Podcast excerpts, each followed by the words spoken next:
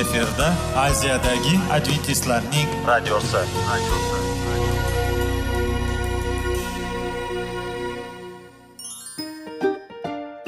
assalomu alaykum aziz radio tinglovchilar sog'liq daqiqasi rubrikasiga xush kelibsiz. Zero tananing sog'lom bo'lishi va uning kasalliklardan saqlash har bir insonning burchi hisoblanadi. Inson uchun bebaho boylik bu sog'liq salomatlikdir uni asrash esa har birimizga omonat qilib berilgan.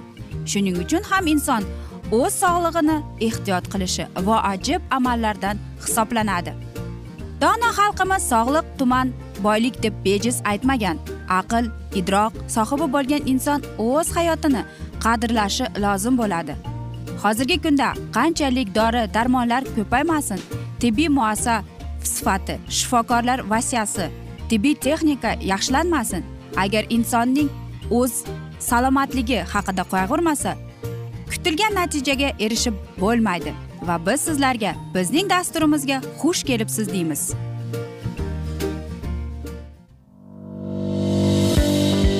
Sog'liq daqiqasi soliqning kaliti qiziqarli ma'lumotlar faktlar. Har kuni siz uchun foydali maslahatlar. Sog'liq daqiqasi rubrikasi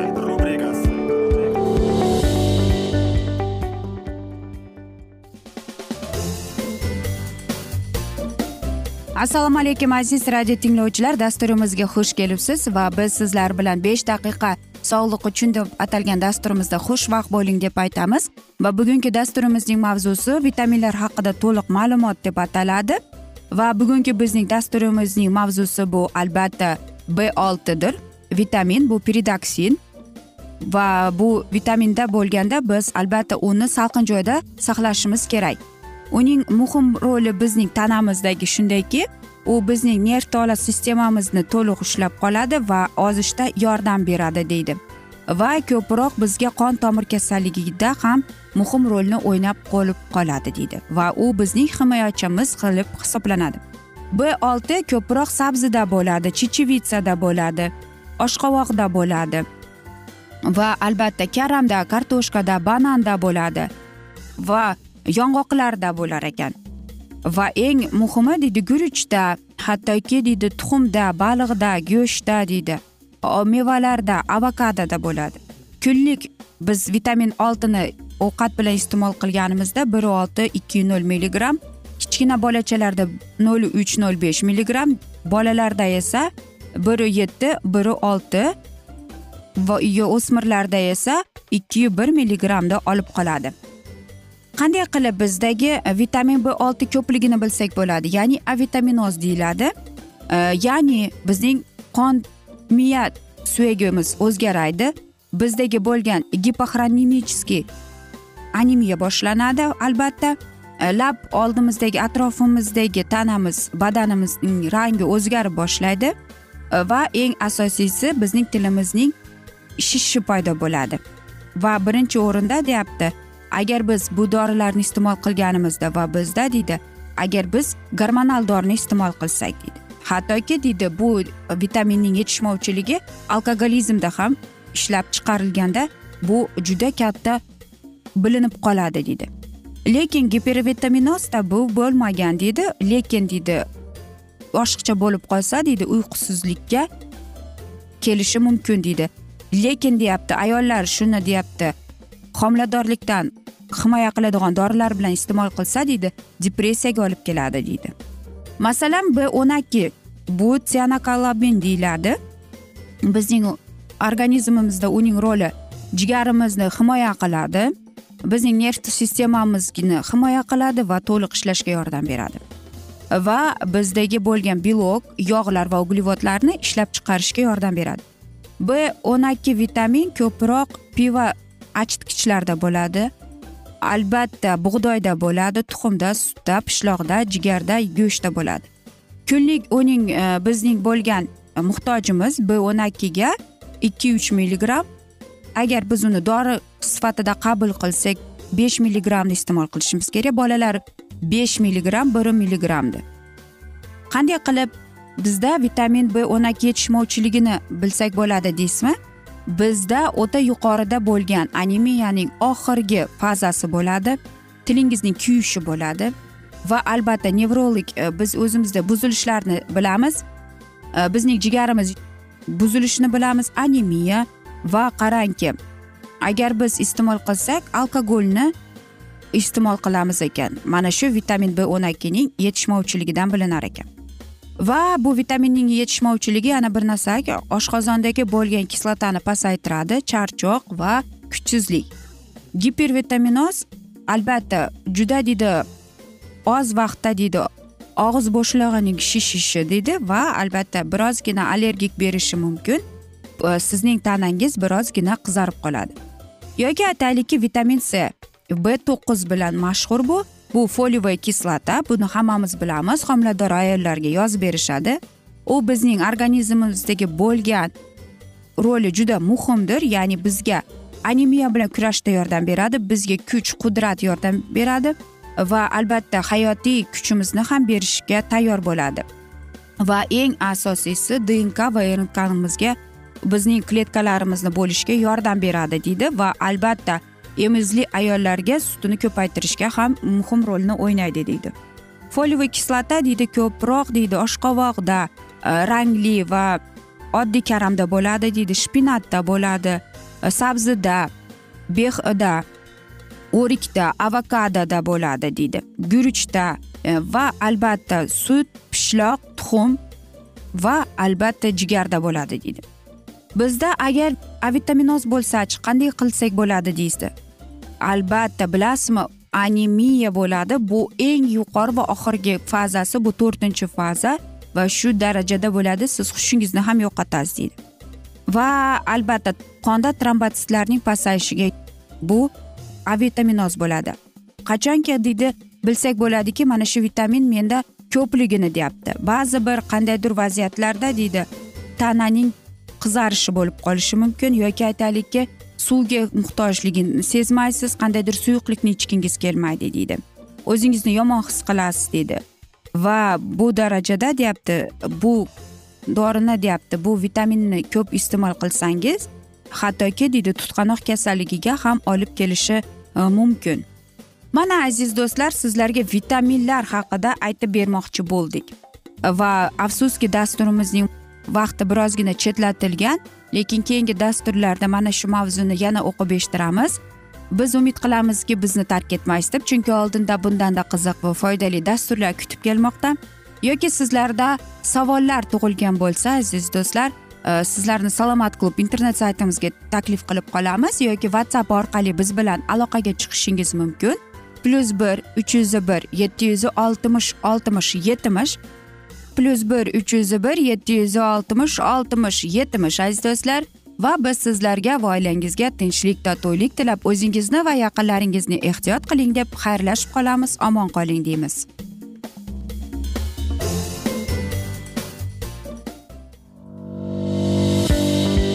Sog'liq daqiqasi soliqning kaliti qiziqarli ma'lumotlar faktlar.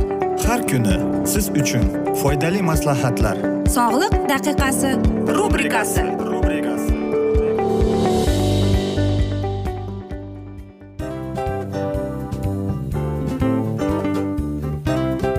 Mana ha hayotda hamma narsaning yaxshi narsalar tugaydi va yakunlaydi degandek bizning dasturimizga ham yakun keldi. O'ylaymanki bizning dasturimiz sizga foydali bo'ldi deb aziz radio tinglovchimiz. Va siz o'zingiz uchun kerakli xulosalar kerakli maslahatlar olib oldingiz. Aziz radio tinglovchimiz biz bilan qoling va keyingi dasturlarimiz albatta undanda qiziqroq bo'ladi. Mana shu alfozda sizlar bilan xayrlashib qolaman.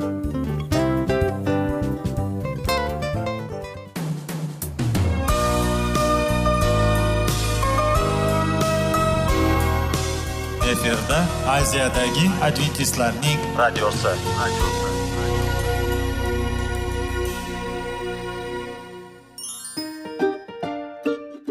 Assalomu alaykum aziz radio tinglovchilarimiz. Dil izhori dasturimizga xush kelibsiz. Pul insonni baxtli qiladimi? Albatta yo'q. Sog'liqchi? Albatta bo'lishi mumkindir. Lekin olimlar shuni isbotlashdiki to'liq va mukammal munosabatlar insonlarni baxtli qilar ekan. Albatta biz hayot davomida biz yaqin insonlar bilan odamlar bilan aloqada bo'lamiz va ular bilan munosabatlarimiz qanday kechadi qanday tuziladi? Yigit va qiz er va xotin ota ona va farzandlar va yaqin insonlar bilan. Balkim hozirgi vaqtda kimnidir hayoti yoki munosabatlari buzilyapti va bizning dasturlarimiz ularga yordam bo'ladi deb va oldinda sizlarni qiziqarli intervyular va mavzular kutyapti va biz umid qilamizki siz biz bilan qolasiz deb.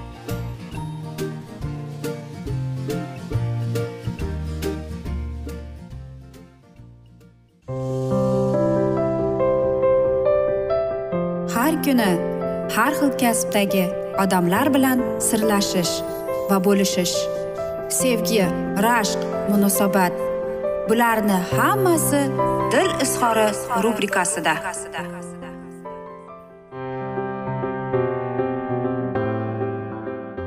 Assalomu alaykum aziz radio tinglovchilar. Dasturimizga xush kelibsiz va biz sizlar bilan ajoyib sevgi deb nomlangan dasturimizda xushvaqt bo'ling deb aytamiz. Va bugungi bizning dasturimizning mavzusi nikohdagi uyg'unlik deb ataladi.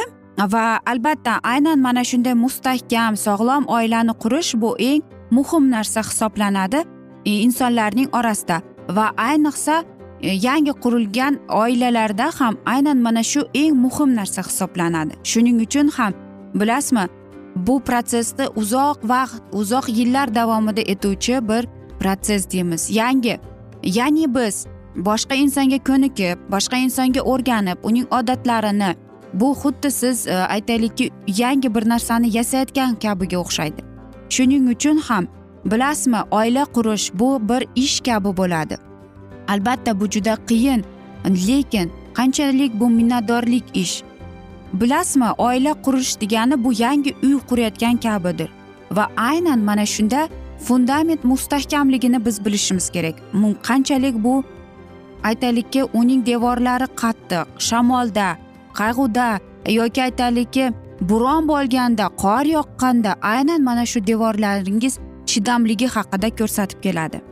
Albatta bilasizmi har kimning ham qo'lidan kelmaydiki baxtli sog'lom oilani keltirish unga esa bor kuch e'tibor qaratish kerak va albatta eng asosiysi bu sevgi kerakdir. Chunki qarangki egoistlar faqat o'zini sevuvchilar aytaylik ko'ngli toza emas insonlar yolg'onlar erkalovchilar ular albatta bunday oilani qura olmaydi ham. Hattoki aytaylikki oila qurishga kelganda dangasa bo'lsa hozir mana oila qurdimi demak ikki uch yil yashaydi va aytadi yo'q menga to'g'ri kelmaydi biz bir birimizga to'g'ri kelmaymiz bizning xarakterimiz mutlaq boshqa boshqa ekan deydi. Va mana shunday asnoda albatta ajrashib ketadi. Lekin agar orada farzand bo'lsachi unda farzandga qiyin bo'ladi. Shuning uchun ham oila qurish bu bir e, murakkab ish murakkab mehnatdir va bu faqatgina bir inson qo'lidan kelmaydi. Uni ikki qo'l ikki inson qilish kerak. Faqatgina shunda ular bir murosaga kelib e, bir qandaydir mustahkam sog'lom oila baxtli oila qurishiga bu to'g'ri yo'ldir. Hech qachon ham bu narsani bir insonning qo'lidan kelmaydi. Faqatgina gaplashib bilishib bir biri bilan bo'lishganda va aynan mana shu narsalar ham mustahkamligini ko'rsatib keladi. Va albatta oilada eng muhim narsa yana shuki aytadiki hozirgi deydi asnoda deyapti eng juda ko'p ajrashuvlar paydo bo'ldi. Nega shunday bo'lyapti deganda chunki deydi ko'p yoshlarimiz e, ko'p oilalar buzilib ketyapti aynan dangasalikning oqibatidan. Ular uchun deydi masalan baxtli oila baxtli munosabatlar deganda ularning xayollarida mana shu inson mukammal uning kamchiligi yo'q uning yomon odatlari yo'q deb o'ylaydi deydi va mana shu narsani boshqa insondan kutib kelmoqda deydi lekin tushunmaydiki deydi aynan o'ziga qara e, mana shu muammoda o'zidaligini boshqa insonda ham bo'lishi mumkin. Lekin aynan mana shu muammo bilan deyapti. Ikkalasi kurashmasdan unga aytmasdan dab durustdan uni ajrashaman desa albatta chalg'itib qo'yadi. Lekin o'tirib bilasanmi menga mana shu narsa yoqmayapti mana shu odating menga to'g'ri kelmayapti. Qanday qilsak ekan? Nima to'g'ri tushuntirib insonga o'ylaymanki u inson ham sizni tinglab eshitib mana shu odatini qandaydir qiliqlarini yo'q qiladi deyman. Va ko'p insonlar aytadiki mana shunday yana bir muammoga keladi ulardagi bo'lgan indamaslik. Ya'ni biri ko'radi qandaydir muammo borligini sezib turadiyu lekin indamaydi. Nega? O'ylaydiki hozir gapirsam achchig'i keladi yoki boshqacha meni tushunadi deb o'ylab shuning oqibatidan indamaydi va oxir oqibat yillar o'taveradi indamaydi. Lekin keyinchalik esa inson chidalmasdan portlaganda bunday to'g'ri ma'noda aytganda portlab u gapirgandan keyin ikkinchi inson hayratda qoladi. Nega? Chunki u shuncha yil davomida mana shu odati e, unga xalaqit berib o'sha boshqa turmush o'rtog'iga yoqmaganining oqibatidan. Lekin bu muammoni hal qilsa bo'lardi agar avvaliga boshidan unga aytganida. Shuning uchun ham psixologlar aytadiki aynan munosabatlarni tiklash uchun munosabatlarni saqlab qolish uchun deyapti. Ikki inson bir biri bilan birinchi o'rinda do'st bo'lishi kerak. Ularni qiynayotgan muammolar qiynayotgan savollar albatta bularning hammasini ular bir biri bilan kelishib gaplashib keyin hal qilish kerak deydi. Va shundagina deyapti mana shunday muammolar deyapti mana shunday bombalardan ular o'zlarini xolis qiladi. Va shuning uchun ham albatta bu yaxshi. Oila bu eng yaxshi va murakkab bir mehnat. Shuning uchun ham aytmoqchi edimki agar sizni qandaydir bir qiynatgan bo'lsa aytaylik sizda bir muammo bor va siz uni turmush o'rtog'ingizga aytolmayapsiz yoki bo'lisholmayapsiz. Unga o'tirib tushuntirib gaplashib bir piyola choy ustida degandek gaplashib bo'lishganingizdan keyin o'zingizni qanchalik yengil his qilasiz o'zingizni baxtli his qilasiz. Va shundagina siz o'ylay bilasizki siz to'g'ri yo'llaganingizni axir e, sog'lom mustahkam oilalar mustahkam munosabatlar o'zidan o'zi paydo bo'lmaydi. Axir bejiz aytishmaydiki qarz ikki qo'ldan chiqadi deb. Aziz do'stlar biz esa mana shunday asnoda bugungi dasturimizni yakunlab qolamiz chunki vaqt birozgina chetlatilgan. Lekin keyingi dasturlarda albatta mana shu mavzuni yana o'qib eshittiramiz. Va biz umid qilamizki bizni tark etmaysiz deb chunki oldinda bundanda qiziq bundanda foydali dasturlar kutib kelmoqda deymiz. Biz esa sizlarga va oilangizga tinchlik totuvlik sog'lik salomatlik tilab seving seviling deb xayrlashib qolamiz.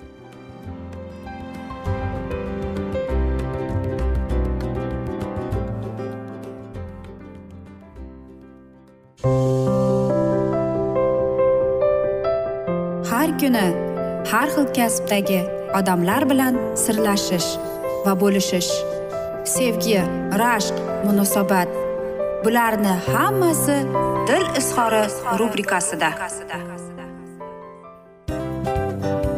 Mana aziz radio tinglovchimiz bizning go'zal va foydali va chiroyli dasturimiz yakunlanib bormoqda.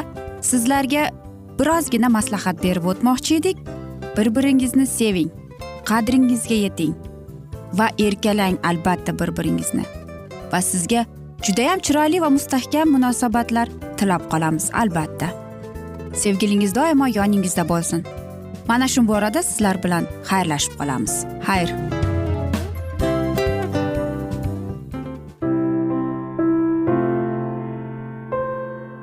Hayotning noni. Qiziqtirgan savollar va javoblar. Buning hammasi ko'ngil uchun oziqa rubrikasida.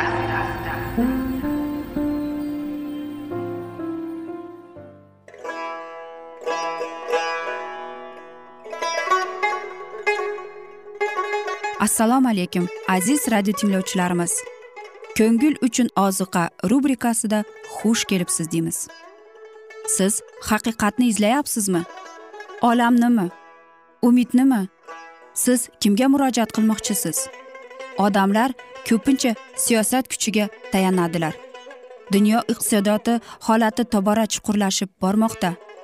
Tabiiy ofatlar va texnogen halokatlar minglab insonlarning hayotini olib ketib juda katta zarar yetkazmoqda.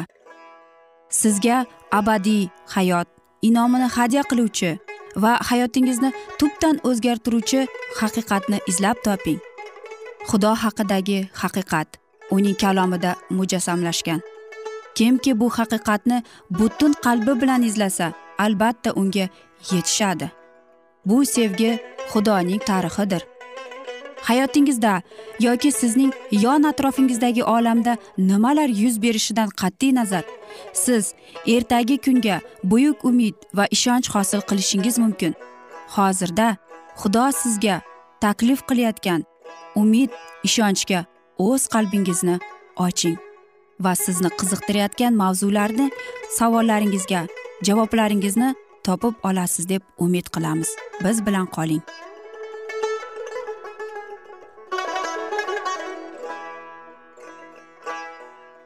Assalomu alaykum aziz radio tinglovchilar. Dasturimizga xush kelibsiz va biz sizlar bilan ulug' otalar va payg'ambarlar deb nomlangan dasturimizda xushvaqt bo'ling deb aytamiz. Va bugungi bizning dasturimizning mavzusi bu shoulning o'limi deb ataladi va biz sizlar bilan o'tgan galgi dasturimizning mavzusini davom ettiramiz. Ushbu uyda manfur shoul boshqa kiyimda bo'lsada uning buyuk gavdasi saltanatli xatti harakatli uni fosh qilardi. Kelgan kishi folchida gumon tug'dirdi. Qimmatli hadyalar uning gumonini kuchaytirdi va u shoulni tanidi. Senga iltimos qilaman menga folbinlik qilib sen menga aytgin menga chiqargin deb so'rog'iga ayol javob berdi. Sen bilasan shoul nima qilganini va u mamlakatdan hamma folbin va sehrgarlarni haydab chiqarganini. Endi esa mening halok bo'lishim uchun jonimga to'r tashlayapsanmi? Shunda shoul xudovand nomidan qasam ichib dedi. Xudovand tirik senga shu qilgan ishingga balo bo'lmaydi va qachonki u senga kimni chiqarib beray deb so'raganida shoul shomuilni menga chiqargin deb sehrgarlik qilib u dedi yerdan xuddi xudo chiqqanini ko'ryapman yerdan keksa er chiqyapti. U o'zin kiyimga kiyingandir. Shunda shoul shomulni tanidi va yerga yuz tuban tushib sajda qildi. Ammo lekin folbinning sehrgarligi orqali ilohiy aziz payg'ambar chiqqan emas edi. Yovuz jinlar ichida shamoil yo'q edi. Shaytonning kuchi uning qiyofasini tikladi. Masihni sahroda vasvasaga solganida shayton nur farishtasiga aylangan edi. Endi esa u osongina shamoilga aylandi. Folbinlik qilayotgan xotinning birinchi so'zlari podshohga tegishli nega sen meni aldading? Sen shoulsan. Shunday qilib shamuil qiyofasini olgan yovuz ruh eng birinchidan betafi xotinini yolg'ondan to'g'risida sirli ogohlantirdi. Keyin soxta payg'ambar dedi shoulga nima uchun meni chiqsin deb meni bezovta qilyapsan? Va shoul javob berdi menga juda ham og'ir. Filistikliklar menga qarshi urushyaptilar xudo esa mendan kechdi va na tushimda na payg'ambarlar orqali javob berishmaydi. Shuning uchun men seni chaqirtirdim. Men nima qilishim kerak? Menga o'rgatgin deb. Shamoil tirik bo'lganida shoul uning maslahatlarini mensimasdi va payg'ambar uni fosh qilganida arazlardi. Ammo endi mushkul ahvolga tushib baloga yo'liqqanda u sezardiki payg'ambarning nasihati uning yakkona umidi bo'lganini. Samoviy elchidan maslahat so'rayman deb u yordam olish uchun tomiq elchisiga murojaat qildi. Shoul butunlay shayton hokimiyatiga berildi va azob uqubatlar va o'limdan lazzat topadigan bechora podshohni halok qilish uchun u hamma kuchini isrof etdi. Shoulning mayusona iltimosiga shomuil qiyofasida bo'lgan ruh dedi. Xudovand sendan kechgan bo'lsa va sening dushmaningga aylangan bo'lsa nima uchun sen mendan so'rayapsan? Xudovand mening orqali aytganini qiladi. Xudovand saltanatni sening qo'lingdan olib qo'yadi va sening yaqiningga ya'ni dovudga beradi. Sen xudovand ovoziga quloq solmaganing uchun uning omalikka bo'lgan g'azabi tufayli rejasini bajarmaganing uchun xudovand hozir sening ustingdan shu ishlarni qilmoqdadir. Xudovand isroilni sening bilan birga filistiklar qo'liga topshirdi. Bo'ynini egmagan shovul shayton tomonidan shafqatsiz aylandi va vasvasaga tushdi. Xuddi shundan vasvasachaning ishi iboratdir. Gunohni arzimas qonunsizlik yo'lni qulay va qiziqarli qilish va xudoning ogohlantirishini va taqiqlarni qabul qilmasligi uchun inson aql zakovatini ojizlantirishdir. Shayton o'z kuchini quyidagi ravishda istifoda qildi. Shamoilning ogohlantirishiga va fosh qilishiga nisbatan shoulda o'zini oqlashga xohish paydo bo'ldi. Endi shoul falokatga yo'liqqanda shayton uni ta'na qila boshladi va unga gunohning terangligini ko'rsatib tavba qilish uchun iloji yo'qligini isbotladi va shunday qilib uni azobga soldi. Shaytonning maqsadi aniq odamga jasurlikni so'ndirish ongini zulmatga cho'mdirish yoki mushkul ahvolga tushirib o'z o'zini o'ldirishga yo'liqtirishdir. Uning uchun afzalroq narsa yo'q.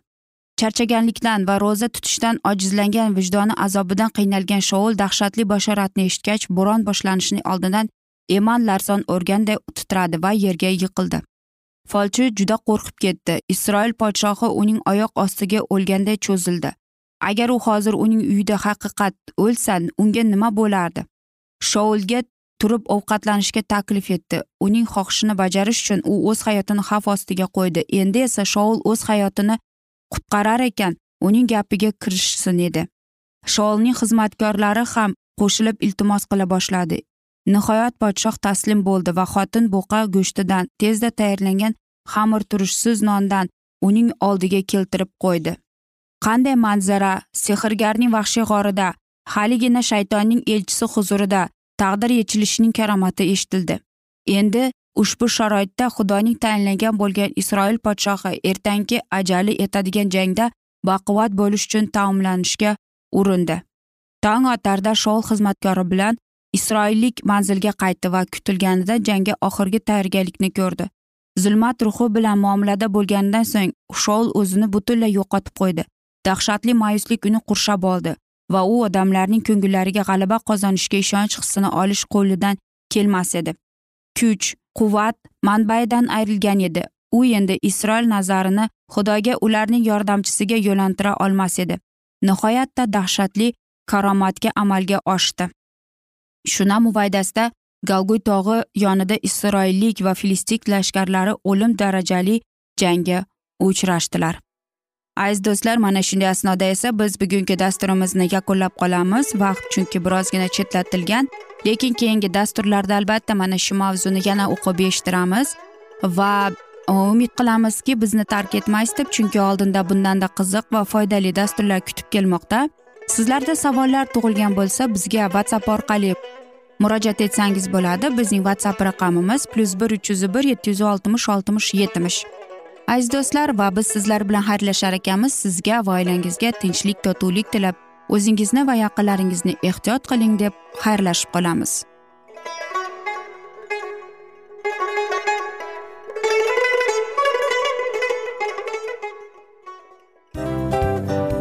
Mana aziz radio tinglovchimiz hamma yaxshi narsaning yakuni bo'ladi degandek bizning ham dasturlarimiz yakunlanib qolmoqda. Aziz do'stlar o'ylaymanki bizning dasturlarimiz sizlar uchun judayam foydali bo'ldi deb. Bizning dasturlarimizdan siz o'zingizga foydali va judayam kerakli maslahatlar oldingiz deb. Masalan sog'liq borasida biz sizlarga sog'liq tilaymiz albatta lekin bizning maslahatlarimizga ham amal qilishga unutmang. Munosabatlarga kelganda bu munosabatlar chuqur va yaxshi bo'lishi uchun uni ustidan ishlash kerak albatta. Diniy masalaga kelsak aziz do'stlar bu judayam jiddiy va chuqur nazarni talab qiladi. Ammo biz sizlar bilan xayrlashib qolmaymiz keyingi dasturlarda eshittirishimizni davom ettiramiz va sizlar bilan mana shu yaxshi kayfiyatda xayrlashib qolamiz. Va keyingi dasturlarda ko'rishguncha xayr!